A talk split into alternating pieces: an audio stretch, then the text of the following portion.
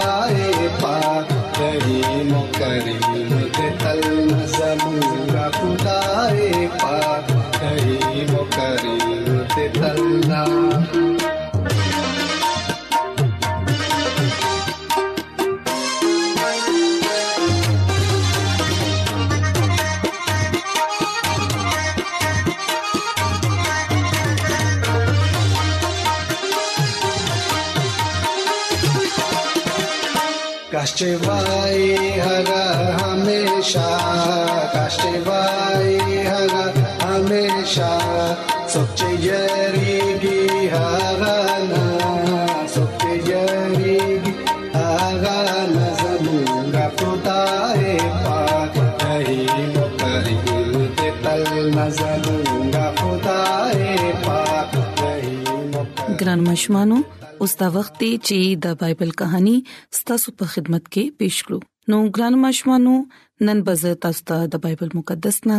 د عیسی مسیح د یوې خپل تمثيل په اړه کې خیم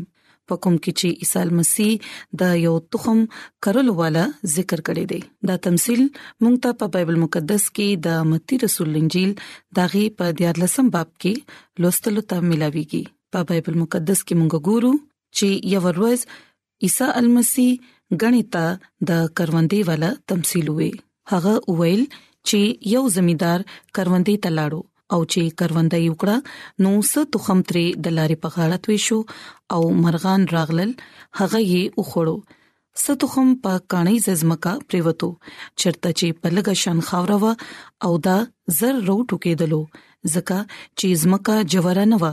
او چې نور راوختلو نو تازه فصل یې وسوځولو او هر کله چې جړې یې نوې نو اوچو ستوخم په غنو کې پریوتو ازوی لویشول او فصل یې لاندې کړو او ستوخم په خزمکا پریوتو هلته یې غلا وکړه ځنې یو پسل ځنې یو پشپېته او ځنې یو پدیش کو تاسو غوګونه وی نو دا خبره ووره نو ګرانو مشمانو د دې تمثيل نه پس عيسى مسیح دا ویل چې تخم د خدای تعالی کلام دی او زمیدار هر یو هغه شخص دی کوم چې د خدای تعالی د بادشاہي په باره کې خای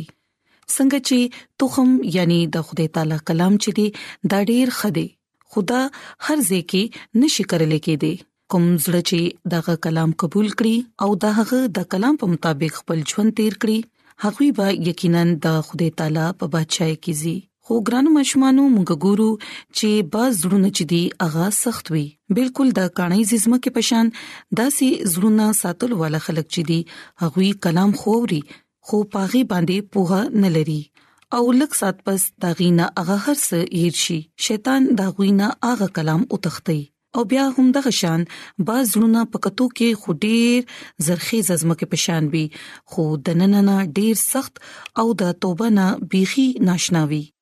داسې خلک په ډیر شوق سره کلام اوري او چې کله د خدای تعالی د بادشاہت په اړه کې اوري نو خوشحاليږي هم خدا هر څه وختي تور باندې وي د خدای تعالی کلام د زیات سات لپاره د غوي پزړونو کې نشي ساري دي او چې څنګه څنګه حالات خرابيږي نو دا ظاهريږي چې هغه ایمان نه لري او خدای تعالی هیر کړی او د داسې خلکو د ایمان هغه بوټي کوم چې لا روتي نوي لا نوي راټوکی دلې هغه خراب شي د دې مثال د هغه ورکوټي بوټي په شان دی کوم چې د ګرمي پنور کې اوسوځي ولې چې د هغوی جړې په کمی جوړي خوري کې وي خوګو ماشومانو مونږ ګورو چې با زړونه د دنیاوي فکرونو او د خایشونو نه ډیر زیات ډکوي داسې خلک کلام اوري او داغي په اړه کې سوچ کوي خو د خپل ځان په اړه کې دا غینا زیات سوچ کوي هغوی د خدای تعالی سره مینا کول غواړي خو د هغوی د خپل ځان په اړه کې خواهشات نور هم سیواوي هغوی خپل ځان خدای تعالی ته په مکمل تور باندې نسپاري او ډیر زر هغوی په داسې کارونو کې مصروف شي چې هغوی سره د خدای تعالی د پاره بيخي ټیم نه بچ کیږي او هغوی د خدای تعالی په باره کې هر څه هیر کړی د هغوی په زړونو کې د خدای تعالی د کلام کم تخم چی وی هغه د دنیاوي فکرونو کې پاتې شي او په هغوی کې د خدای تعالی د کلام تخم چي دي نو هغه ضایع لړ شي ګرانو ماشومانو داسې زړونه هم شته کوم چې د فلدارا ګرانو ماشومانو داسې زړونه هم شته د کوم چې د فلدارا پټي پشان وي داسې خلک کلام اوري پاغي باندې پوها حاصل کی او چې کله پاغي باندې مشکلات راشي نو هغه په خدای تعالی باندې باور ساتي هغه په مینا کې خپل ژوند چې د خدای تعالی ته اوسپاري او هغه صرف یو خواهش لري چې همیشه د خدای تعالی نږدې اوسيږي او همیشه د داغه د بچو په شان اوسيږي همدا سي خلک د مینې او د شکرګزارۍ سره د خدای تعالی خدمت کوي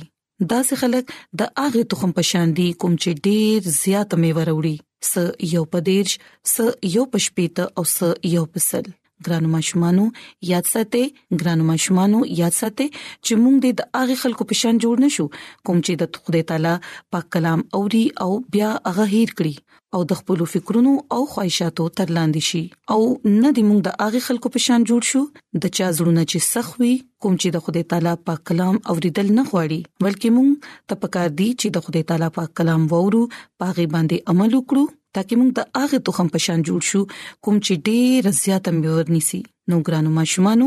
زه دا امید لرم چې تاسو به نننې بایبل کہانی خوښ شوي او زما دا دعا ده چې خدای تعالی دې تاسو ته دا توفیق درکړي چې تاسو په کلام مقدس په خبرو باندې عمل کولو والا جوړ شئ او د خدای تعالی رښتونی بچي جوړ شئ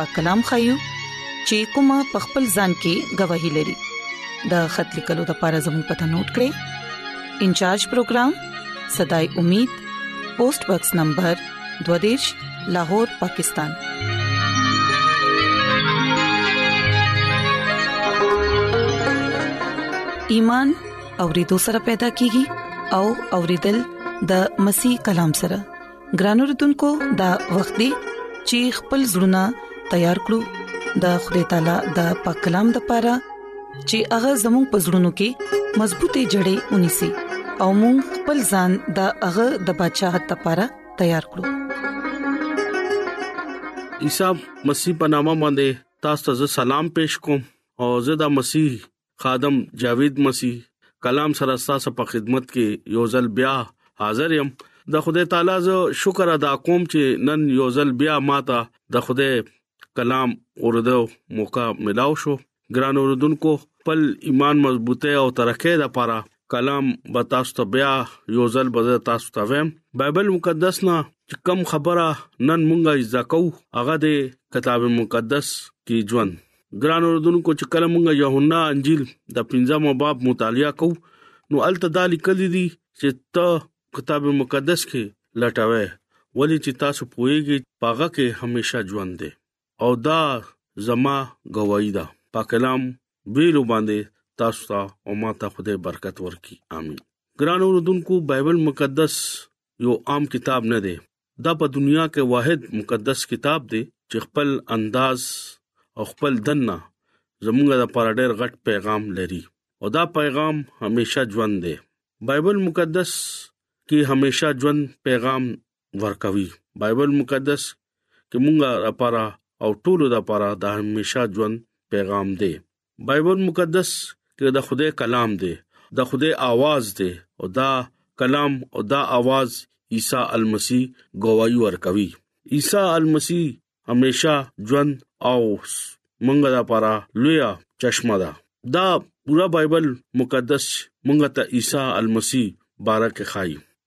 چې کله مونږ د خدای کلام او بایبل مقدس وایو او پاغه باندې عمل کوو نو هغه وخت مونږ لا خدای همیشه ژوند ورکوي ګران اوردونکو ډیر افسوس خبره دا ده چې ډیر خلک بایبل مقدس ویلو خوخینا هغه وجہ مونږ کله ګورو نو هغه د همیشه ژوند لپاره لري وي بایبل مقدس چې کم خلک وای نو هغه برکت او نجات او